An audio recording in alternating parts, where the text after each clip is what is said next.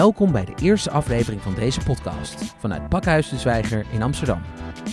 Mijn naam is Maurice Leekie en vandaag spreek ik met theatermaker en regisseur Lucas de Man over zijn nieuwe project De Man in Azië. Een theatraal reisverslag over de millennial generatie in Azië. Deze multimediale voorstelling gaat op 18 september in première in Pakhuis de Zwijger. Ha Lucas, welkom. Dag Maurice. Hey Lucas, je staat uh, aan de vooravond van je, van je nieuwe project, De Man in Azië. Kun je ons vertellen waar het uh, over gaat?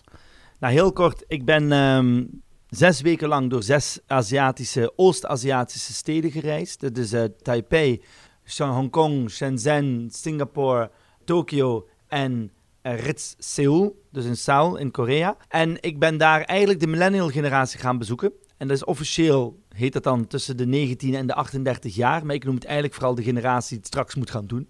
En aangezien de, aangezien de problemen globaal geworden zijn, is mijn mening dat we het ook uh, globaal gaan moeten aanpakken als generatie. Dus niet een soort van ons kent ons en daarmee gaan we het doen, maar eigenlijk wie zijn die collega's van ons in uh, Oost-Azië, in die, in die landen en steden daar. Want ze zijn daar met ietsje meer dan wij, de hoogopgeleide millennials. En we kennen ze niet dat is inderdaad graag nog van je wil weten. Je hebt specifiek deze steden uitgekozen in Azië. En, en waarom deze steden? Waarom steden als, uh, als Tokio en Seoul? Nou kijk, eigenlijk is het zo dat het... Je kan natuurlijk naar andere steden ook gaan, meer, meer Zuid-Azië en zo. Alleen dit zijn steden die ontzettend ontwikkeld zijn. Die ontzettend soms zelfs voor het niveau lopen dat wij opstaan. Dus ik wou eigenlijk... Ik kom in die steden al langer omdat mijn eh, familie, een deel van mijn familie woont in Shanghai heeft een tijd in Tokio gewoond. Dus ik ging daar als, als jonge puber al naartoe. En toen mhm. was ik overdonderd door de verschillen. En de laatste paar keer dat ik daar was, was ik overdonderd door de gelijkenissen. Of laat ons zeggen, door het feit dat ik daar veel meer inspiratie haalde voor hele concrete dingen waar ik zelf mee bezig was. In plaats van, goh, wat zijn ze toch allemaal raar daar hè, in China of zo. We gaan op die verschillen en op die overeenkomst later uh, ook nog in. Maar misschien kun je ons ook nog uh, voor de luisteraar uh, thuis ook nog even meenemen in hoe de voorstelling er straks uit gaat zien. Want het is een multimediaal project. Het is niet alleen maar theater. Nou kijk, eigenlijk is het zo, het, het, hele project heet Hello Asia. En dat is het idee dat we dus eigenlijk de millennial generatie gaan onderzoeken daar in Oost-Azië. We hebben, zijn gaan reizen met een filmploeg. Joep van Oes is dus een, van Os, dat is jouw partner in crime, uh, filmmaker? Joep van Os is een filmmaker die mee was, documentairemaker. En hij heeft eigenlijk gefilmd met zijn team. Wij gaan een zesdelige serie maken, een internationale serie, dus in, in het Engels. Die gaat over uh, onze reis. Die zegt natuurlijk dingen die ik in de voorstelling niet allemaal kwijt kan en omgekeerd. Ik maak een lecture performance, dus een theatrale lecture performance. Dat is eigenlijk, moet je het zien als lezing meets theater meets multimedia. Uh, dat heb ik eerder al gedaan. Natuurlijk is het iedere keer net weer anders. Dat was in Search of Europe. Ja, de man door Europa, die ook hier uh, elf keer heeft gestaan in Pakhuis de Zwijger.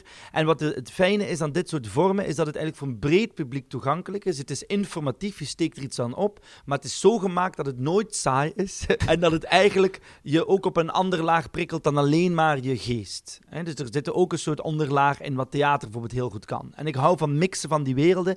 En er zit gewoon letterlijk documentaire in. We gebruiken letterlijk beelden die ik uren heb zitten editen uh, uit de veel te veel materiaal die we geschoten hebben in zes weken filmen. Jullie hebben de eerste aflevering van dat documentaire project hebben jullie nu bijna af. Ja. Uh, en dan is de bedoeling dat er nog vijf andere delen bij komen. Ja.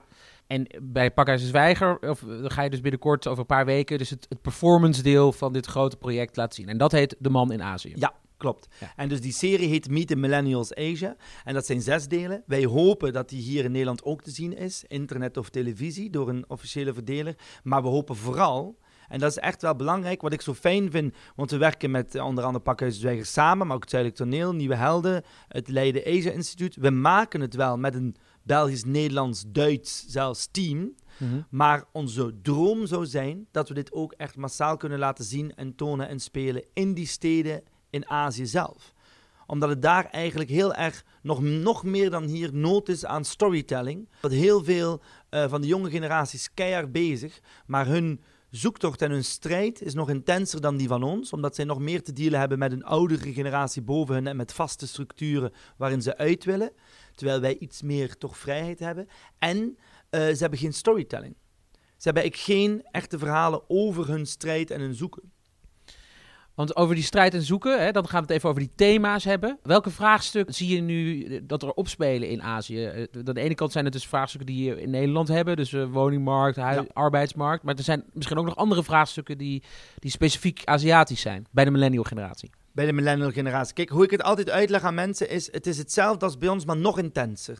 Het is nog meer aan de hand. Eh, als we het hebben over bijvoorbeeld vrouwenrechten of homorechten, het is nog meer dat het nu aan het opkomen is, dat men eraan voor aan het vechten is, waardoor ik er wel veel vaker energie van kreeg dan hier soms. Dat klinkt misschien raar, maar ik heb het hier soms een beetje het gevoel dat het vooral heel erg een talkshows is en gelul en gedoe.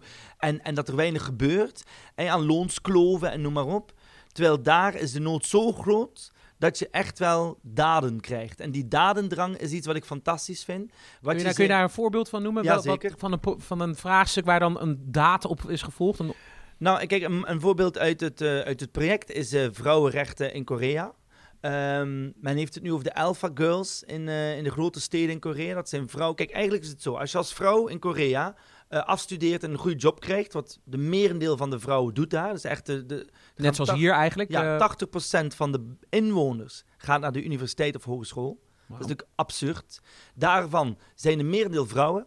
En die studeren ook bijna allemaal met de hoogste punten af, net zoals hier. Die krijgen topjobs. Dan denk je, yes, wauw, wat een geëmancipeerde samenleving. En vanaf dat ze gaan een huis kopen en trouwen of kinderen krijgen, moeten ze eigenlijk gewoon eh binnen blijven en voor de kinderen zorgen.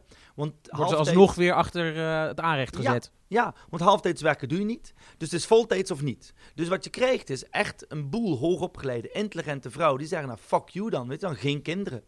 Dan niet trouwen. Dan gewoon keihard werken. Dus het de geboortecijfer was al heel laag in Korea, in Japan, in China. Maar het zakt ook in Japan en China, maar Korea is het heftigste voorbeeld. Door vrouwen die zeggen, nee, eerst onze rechten of jullie krijgen geen kinderen. En wat is de reactie van de mannen op zo'n eh, toch best wel ingrijpende statement van, eh, van de vrouwen? Dat is een hele goede vraag en ik zou het met een klank willen uiten. De mannenreactie is... eh, Die hebben gewoon geen antwoord. Nee. En dus wat je krijgt is heel veel grijpen. Zeker in eh, Japan zie je dat naar virtuele liefde. Hè? Dus dat is eigenlijk dat er een, dat er een clash tussen... Ik, ik, ik zeg nu de extreem. hè? Een clash tussen de, de, de genders komt. Ja. Eh, aan de andere kant heb je mannen die dat fantastisch vinden natuurlijk. Die blij zijn met zo geëmancipeerde vrouwen. En heel veel mannen hebben natuurlijk zich niet moeten bevrijden. Want die mannen hadden al een toppositie. Dus die vinden het heel intens. Daarom noemen ze ook alpha girls. Dus Ja. bijna negatief. Weet je, van Dus jullie komen... Tegenovergesteld van de alpha male. ja, de Alpha Girls zijn ook hele clips en, en dingen rond. da- da- Daar doen ze gelijk een heel cultuur rond alles natuurlijk. Hè. Maar het is wel zo dat het eh, fascinerend is om te zien dat dus heel veel mannen braaf luisteren naar hun ouders. Ze zijn al het prinsje. En dit gewoon ontzettend intens vinden. Dus niet aan relaties komen. Er is echt een liefdesprobleem. In Taiwan bijvoorbeeld gaat de overheid speeddaten eh, subsidiëren. Omdat er te veel hoogopgeleide singles zijn. Hey, maar over die hoogopgeleide gesproken, want hoe kan het dan dat in Korea zo'n hoog percentage van hoogopgeleide eh mensen bestaat? Is, dat, eh, is het onderwijssysteem daar echt drastisch anders ingericht dan in Nederland? Nou, het is, Bijvoorbeeld? kijk, het, is, het, is, het is wel hoog niveau. Het is natuurlijk wel eh, zo dat, dat de werk, leerdruk, noem ik het dan, werkdruk op school, de leerdruk ontzettend is. Dus eigenlijk is het zo, het is een overlevingsmechanisme. Dat zag je in Japan, dat zie je ook in Korea. Iedereen moet hoogopgeleid zijn, moet sterk zijn, slim zijn, dan gaat de economie goed draaien. Dat Mhm. is eigenlijk het idee tegenover het communistische Noord-Korea. Die gedacht heeft, iedereen moet zijn mond houden en dan gaat het ook draaien. Nou, en het antwoord is dat dat tot en met de jaren 90 ook heel goed ging. Toen Korea 60, 70, 80, 90, niet normaal, wat een boom dat dat meegemaakt Dus heeft. een, een van de Asian Tigers. Ongelooflijk, die ouders, hun, onze ouders daar, zijn super rijk geworden, zijn super welvarend geworden. En Dus echt de babyboom generatie. babyboom generatie. En zelfs daar iets onder. Die kinderen, twee dingen. De economie gaat niet meer zo goed. Dus die kinderen denken van, eh, sorry, maar niet waar dat ik gewoon hard moet werken. En de zekerheid is volledig weg. Dus je krijgt eigenlijk plotseling onzekerheid. En dat, dat zijn trouwens typisch millennial vraagstukken. Ja. Want dat hebben ze in Nederland Ja, ook. Want ook hier is het allemaal niet meer zeker. En ook hier moeten ze keihard werken. Inderdaad, voor onzekere Voor onzekerheid. En natuurlijk het idee van, is, maakt geld wel gelukkig? Hè? Dat is ook een vraag. En je had het over het onderwijssysteem. Hun onderwijssysteem is ongelooflijk. Meester weet alles. Jij houdt je bek, denkt niet na en werkt keihard. Zoals mijn middelbare school in het college in Roeselaar ook was. Jongens, jongens, jongens, jongens. Hè? Alleen maar jongens die dan moesten luisteren. Bij de Alleen- paters. Ja, bij de priesters. Maar wij gingen dan in protest en wij gingen dat openbreken. En nu is die school natuurlijk niet meer zo. Maar wat er daar gebeurt is natuurlijk ook dat. Maar dan heel moeilijk, want de tradities zijn zo heftig. En de druk is zo hard dat na de school, dus 4, 5 uur, al die studenten extra lessen gaan volgen. Want je moet slimst, de slimst van de klas zijn. Dus extra wiskunde, extra Engels, extra lessen, noem maar op, tot 11 uur s'avonds. Gemiddelde Koreaanse middelbare schoolstudent werkt van 8 tot 11. Dat is dus niet normaal. Maar dat is misschien ook een van de redenen waarom in Azië uh, een, vrij hoog zelfmoordpercentage bij millennials uh, Dat heerst, is ook hè? in de bijvoorbeeld voorstelling. in Japan. Ja, we hebben het daar in de voorstelling ook over. Korea en Japan staan in de top 7 bij millennial zelfmoorden, maar België staat daar ook in. En, dus, en, en, en zeker Vlaanderen. Nederland stond daar heel lang in- niet eens in de buurt, maar is dramatisch aan het stijgen. Mhm. Ik heb het hier over millennial zelfmoorden, dus echt jonge, jonge mensen zelfmoorden. Want momenteel is trouwens eh, Oost-Europa en Rusland drastisch gestegen de afgelopen jaren in überhaupt zelfmoord. Maar als het over jonge mensen gaat, Korea, Japan, België in de top 7. Waarom? Terwijl ze zo verschillend zijn.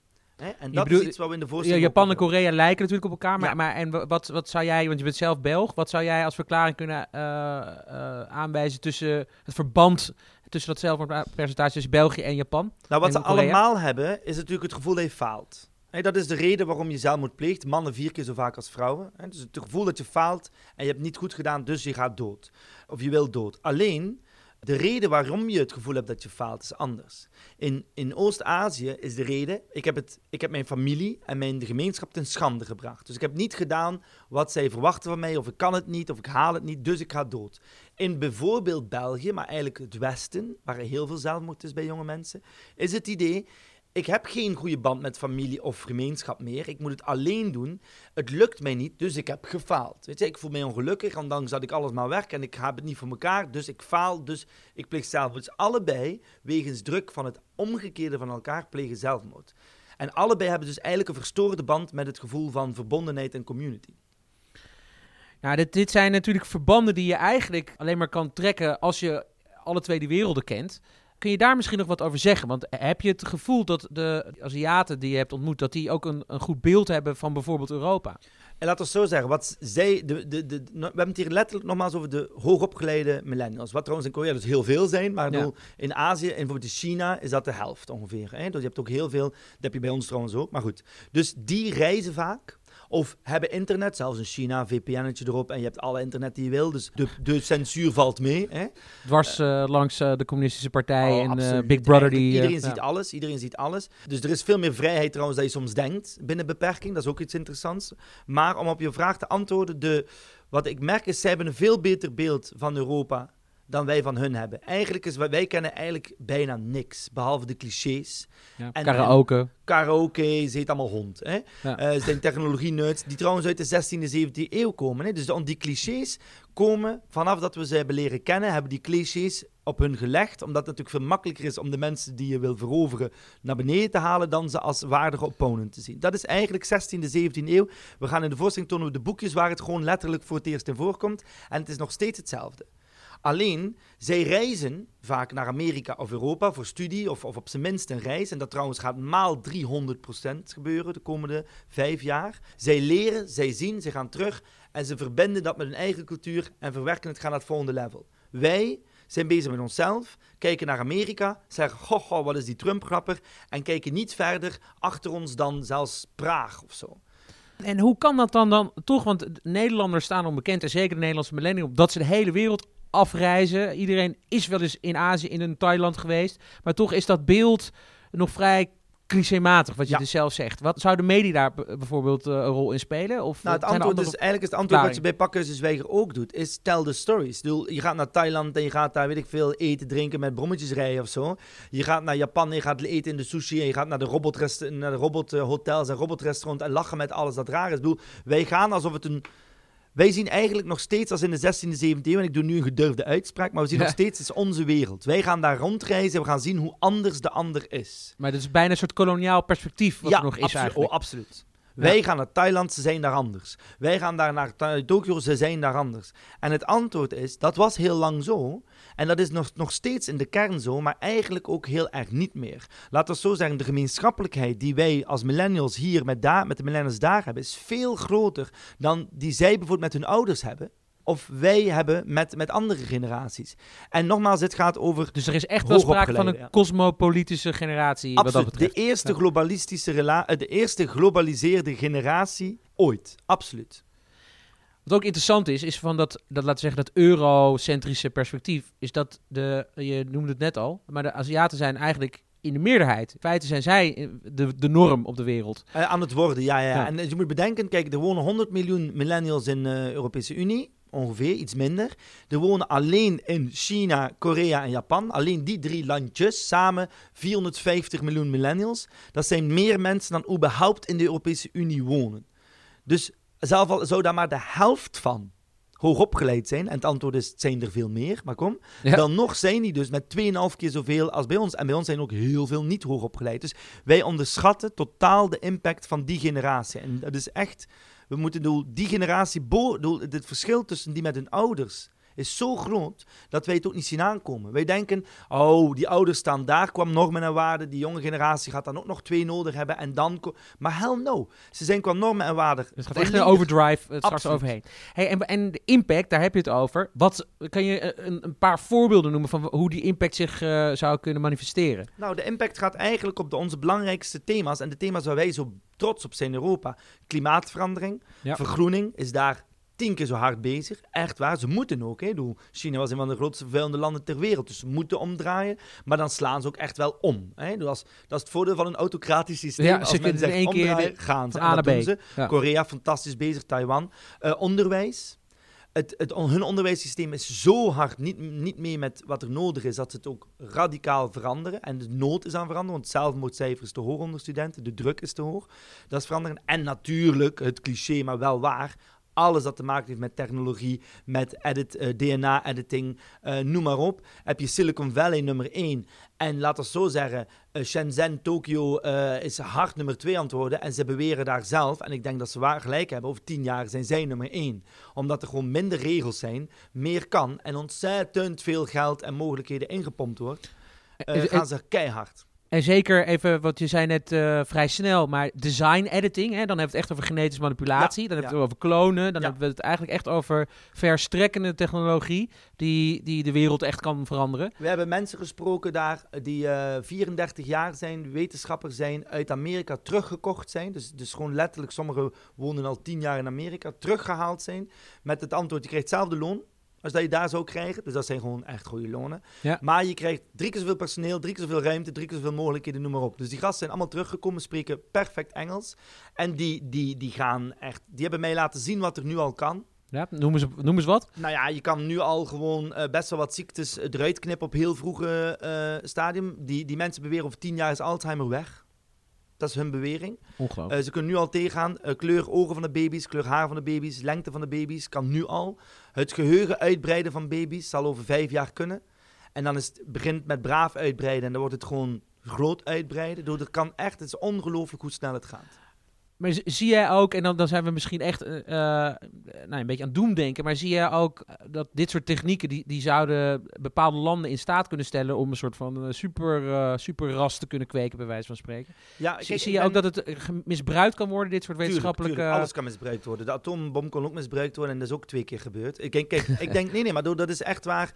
Het beste interview was met die ene jongen van 34 die dus dat hele die, die DNA-editing deed. Die zei, Ja, die zit dus ook in de documentaire, die kunnen we dus straks ook zien. Ja, absoluut. Ehm, zeker in de serie en, en, en in, de, in de voorstelling zit hij natuurlijk getheatraliseerd. Ehm, maar die zegt, wij zijn, ehm, wij zijn wetenschappers.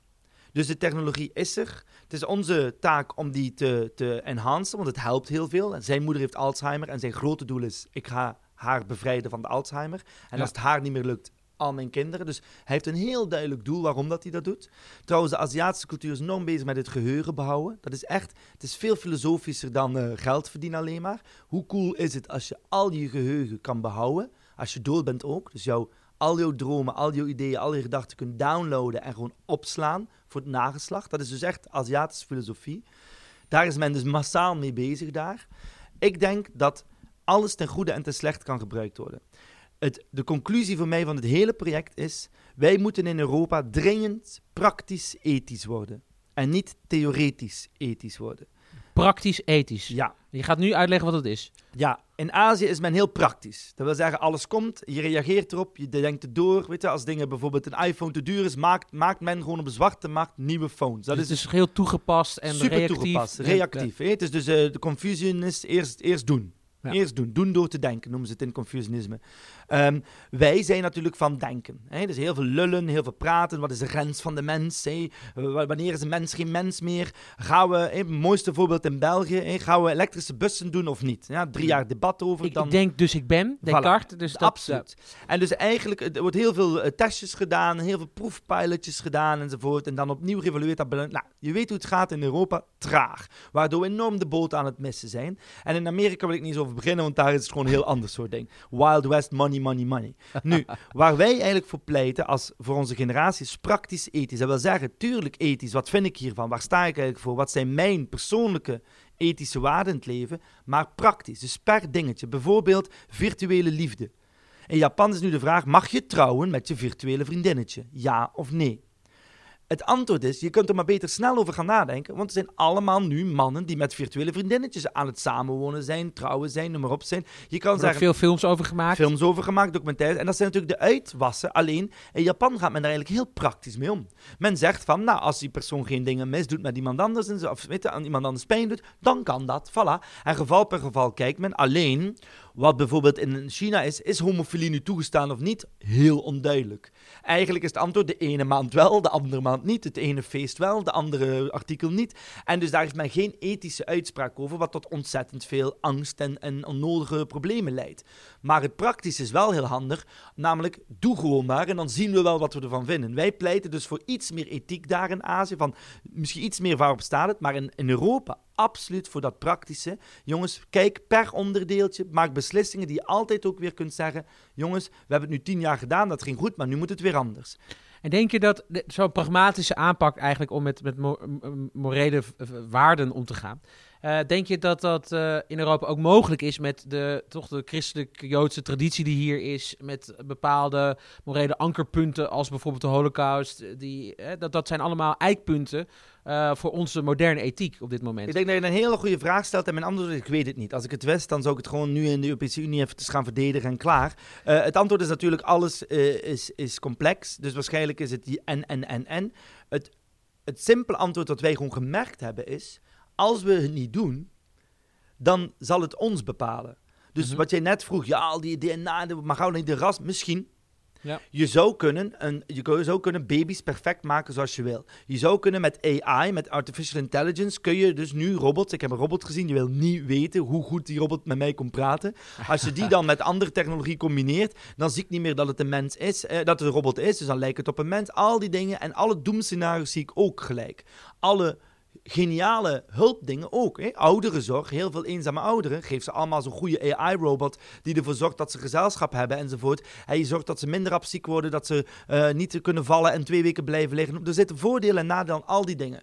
Dus wij gaan op veel sneller en veel meer gebieden dan we tot nu toe ooit als mens hebben moeten kiezen, keuzes gaan maken. De komende 10, en we hebben het niet over 100 jaar, de komende 10, 20 jaar komen er zoveel essentieel ethische vraagstukken op ons af, dat we moeten gaan beginnen praktisch ethisch nadenken. Doen we dat niet, nou, dan, dan gaan er voor ons beslist worden. Ik zal u zeggen, Oost-Azië en Silicon Valley gaan niet wachten op wat Europa vindt van dingen om keuzes te maken. Maar is, wat, jij bent een, een kunstenaar, een maatschappelijk betrokken kunstenaar en ook een conceptdenker. Uh, je probeert met deze voorstelling natuurlijk ook een groot publiek te bereiken, zodat daar ook misschien andere mensen ook iets mee kunnen. Ja. Denk jij dat bijvoorbeeld de politiek in Nederland doordrongen is van de, de vraagstukken die hier uh, spelen, die je zo agendeert? Want uh, wij hebben ook een belang ten opzichte van Azië om nu in te grijpen. Um, uh, ja en nee. Op bepaalde thema's is men natuurlijk mee. Er moet vergroening komen enzovoort. Aan de andere kant heerst bij ons natuurlijk een enorm geloof in het vooruitgangsdenken. Ja. Alles komt uiteindelijk wel goed. Uh, en daar tegenover staan doemdenkers. Het komt allemaal niet goed. En het antwoord is natuurlijk dat die, al die, bij, die beide vooral aan het lullen zijn. Het antwoord zit er altijd tussen. Er komen dingen goed en dingen niet goed. Voor sommige dingen gaan we oplossingen vinden. Hè? De plastic soep. Ik kan zeker zijn met duidelijke algen en noem maar op. Maar er blijven natuurlijk problemen komen. Bijvoorbeeld, heel belangrijk, de groeiende ongelijkheid. is enorm. In Azië, in Europa, groeiende ongelijkheid enorm. En daar staan we Ook, dan. ook in Azië, ondanks het feit dat iedereen hoog opgeleid is, maar dan nog is er groeiende ongelijkheid. Enorm. Waarom? Omdat natuurlijk zij die mee kunnen. Eh, bijvoorbeeld alleen al, kijk, om in Hongkong te wonen moet je 16.000 euro per vierkante meter rekenen. Wie kan dat betalen? Ja. Wie niet in die stad woont, valt er buiten. Wie er buiten valt, weet je, het doel, het gaat, het zijn visieuze cirkels. Alleen allemaal nog een keer zoveel groter. De rijke Chinezen en de rijke eh, Koreanen, hun kinderen zijn nu 20ers, 30ers, die geven dat geld door. Die kinderen gaan natuurlijk als een malle. En dan wij, zij die niet dat geld hebben, die gaan als een malle achteruit. Omdat die economie natuurlijk slinkt. Dus je krijgt enorme ongelijkheid. En daar komt ook het verschil tussen vermogen en inkomen ook Ja, weer een rol bij kijken. Want je kan daar eigenlijk niet tegenop studeren Totaal tegen al dat geld wat er al Voilà. over wordt geërfd. Dat is het Ja. ding. En dus bijvoorbeeld de Chinese overheid heeft nu beslist, dus dat is een ethische keuze, wat ik fascinerend vind van de Chinese overheid. Wij moeten, die ongelijkheid is een ramp voor onze bevolking, dus we gaan die tegengaan. Wij moeten terug de kloof gaan dichten. Dus ze hebben drie grote speerpunten. De, trouwens, origineel communistische eh Chinese samenleving die eigenlijk een gelijkwaardig... eh, Voilà. ja. En nogmaals, ik zeg niet dat het allemaal goed is wat ze dan doen hoor. Maar ik vind het wel fascinerend dat een overheid zegt: dit is een speerpunt. Dat zie ik bijvoorbeeld op je vraag van de politiek. Hier, armoedebestrijding doet men wel eh, leuk. Er is geen, nog niemand armer geworden in de afgelopen 15 jaar, volgens statistieken. Dus dat is meer een soort van: we doen dat eventjes. Maar eigenlijk vindt de regering dat wie niet werkt lui is. Nou, zolang je dat soort dingen bedenkt, dan ga je natuurlijk, kom je nergens. Zolang dat je bedenkt van: als je maar hard genoeg werkt, kom je er vanzelf. Hé, wat echt de politiek in Nederland is, is natuurlijk bullshit. Omdat je natuurlijk een verschil hebt waar je startpunt is. Omdat je verschil hebt als je veel geërfd hebt of niet geërfd hebt. En dat soort dingen, dat er dus nog altijd niet nagedacht wordt, wat vinden we hiervan, hoe gaan we hiermee om, zal ervoor zorgen dat we eigenlijk naïef zijn tot er een crisis komt. En aangezien die waarschijnlijk heel snel gaat komen, ben ik niet zo bang dat we te lang naïef gaan blijven. Over bank gesproken, Lucas. Eh, je, hebt, je hebt dingen gezien daar in Azië die nog niet heel veel andere mensen eh, hebben gezien vanuit Europa. Zijn er ook dingen waar je, laten we zeggen, ik, bedoel, ik ken jou niet als een, als een bankpersoon, maar waar je wel een klein beetje angstig van bent geworden? Nou, van bent absoluut. geschrokken misschien? Nou, ik vind wel die DNA-editing intens. Eh, wat er allemaal al kan. Daar, ik ben misschien, ik ben, ik ben vaak geschrokken en verwonderd geweest tegelijk. Dat is Ja. misschien wel interessant, maar zeker van wat er DNA al kan. Zeker wat de robotica en de artificial intelligence al kan. Zeker wat, er, wat betreft de ongelijkheid die groeit. En, en dat je denkt van wauw, dat is overal. Wat mij enorm verrast heeft. En nog even, sorry, terugkomen tot die ongelijkheid. Zie je dan ook, als een hele grote groepen mensen niks hebben en een kleine, grote, eh, of kleine groep wel heel veel, zie je dan ook dat, wat, wat is de reactie daarop dan? Zijn er dan ook revolutietjes gaande, nou, bewegingjes eh, om, De- om je daar stelt daar wel een doen? ontzettend goede vraag. Ehm, ik, ik had het er, dus ik, eh, Piet, Piet Menu van het Zuidelijk Toneel is mijn dramaturg. En we hadden het erover, wat is er nodig dat mensen in opstand komen tegen ongelijkheid? Als je bedenkt dat dus de afgelopen 30 jaar, dus eigenlijk sinds de jaren 70, heeft de gemiddelde mens minder geld. We, we vergeten dat, maar dat is zo. Wat je kunt kopen met dezelfde job in de jaren 70, nu is enorm minder. Terwijl de economie gegroeid is, dus er gaat meer geld naar een aantal. Nou, dat is, weet iedereen. Maar wat mij fascineert is, we komen niet echt in opstand. Want we hebben het goed genoeg nog. De millennial generatie, is- dat is niet een speerpunt van de millennial generatie. Nee, er zijn geen barricades waar we op hebben dus gestaan. wij vroegen ons af, wat is er nodig voordat we dat wel doen? Is het bijvoorbeeld dat de ongelijkheid... Kijk, de ongelijkheid wordt pas interessant als je het gaat mixen met die AI en die DNA. Bijvoorbeeld, het geheugen uitbreiden kost nu heel veel geld. Dus rijken kunnen hun kinderen zo maken dat ze sterker zijn, langer gaan leven en slimmer zijn. En dan natuurlijk pas, is pas echt ongelijkheid. Dan pas is jouw kind per definitie zeker duidelijk dus eh, achtergesteld op dat van eh, de kleine... En dat is eh, ook nooit meer in te halen. en nooit meer in te halen. Gaan we dan komen? Als, als dus ik, mijn moeder Alzheimer heeft en niet gered kan worden en wie geld heeft wel. Als, als mijn vrienden kanker hebben en kunnen niet gered worden terwijl wie geld heeft kan zo kanker laten genezen. Gaan we dan in opstand komen? Of gaan we per definitie dat nooit doen tenzij we opgehitst worden door die elite? Wat eigenlijk natuurlijk altijd gebeurd is in het Ja. verleden. Want, want Lenin was een, kwam uit de elite. Bijna alle le- leden Al- van de revolutie kwamen uit is ontstaan vanuit de elite mensen, zelf. eh, uit de elite zelf, die dan het volk dat ontevreden was meenemen. Nu nogmaals, we zitten nu natuurlijk super politiek bezig.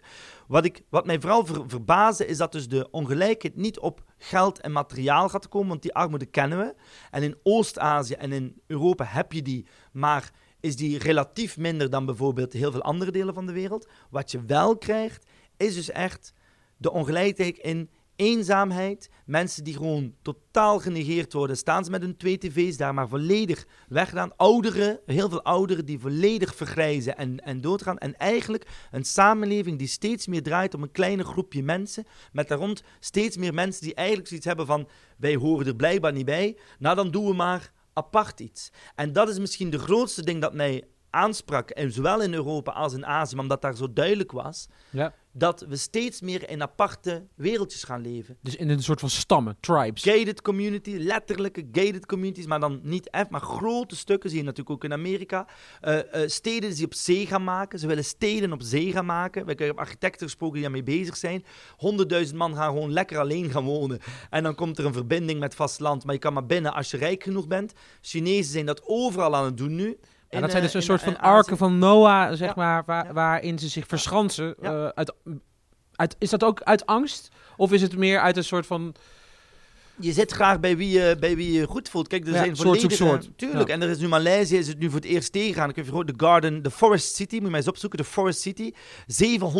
700.000 mensen op een opgespoten stuk land die volledig groen is. In een, in, en de rond is de woestijn, fascinerend, of is droog. Volledig groen, mooi. En een gated community komt er alleen maar in als je een bepaalde, bepaalde pas hebt. En dan woon je met z'n 700.000 apart. Kijk, en nogmaals, je kunt zeggen, ach ja, de wereld, eh, vooruitgangsdenken... eh.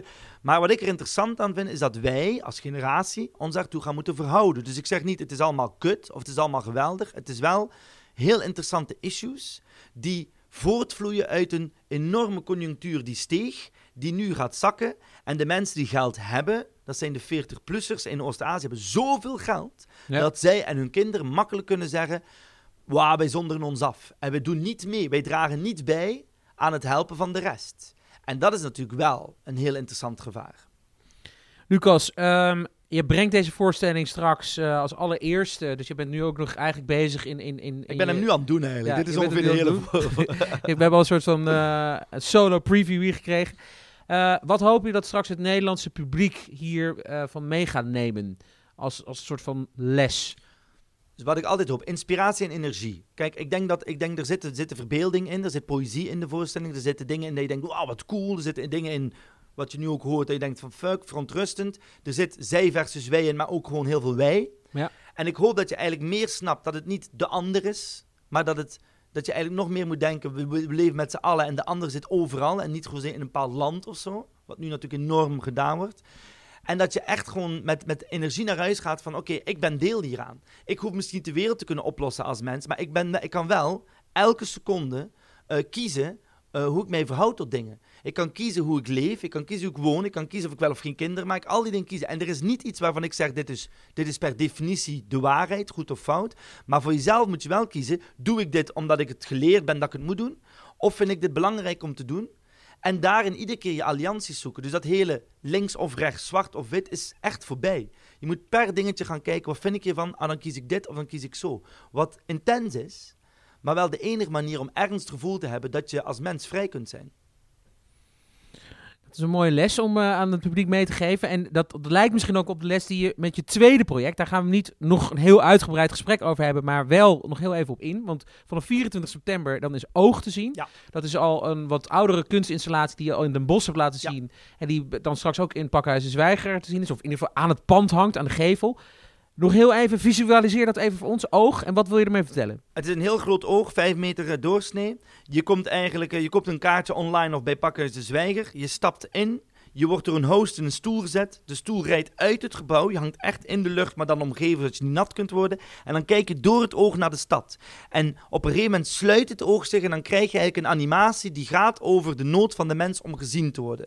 En het mooie aan dit project is dat mensen kunnen een kaartje kopen en gewoon komen kijken, wat ze zeker moeten doen. Maar we hebben ook allemaal organisaties en bedrijven gevraagd om kaartjes te kopen voor mensen die zich vaak niet gezien voelen in de maatschappij. Die dat als cadeau krijgen, waardoor dat we in Nederlands of in het Engels eigenlijk heel veel mensen kunnen even een momentje gunnen om naar de stad en naar zichzelf te mogen kijken.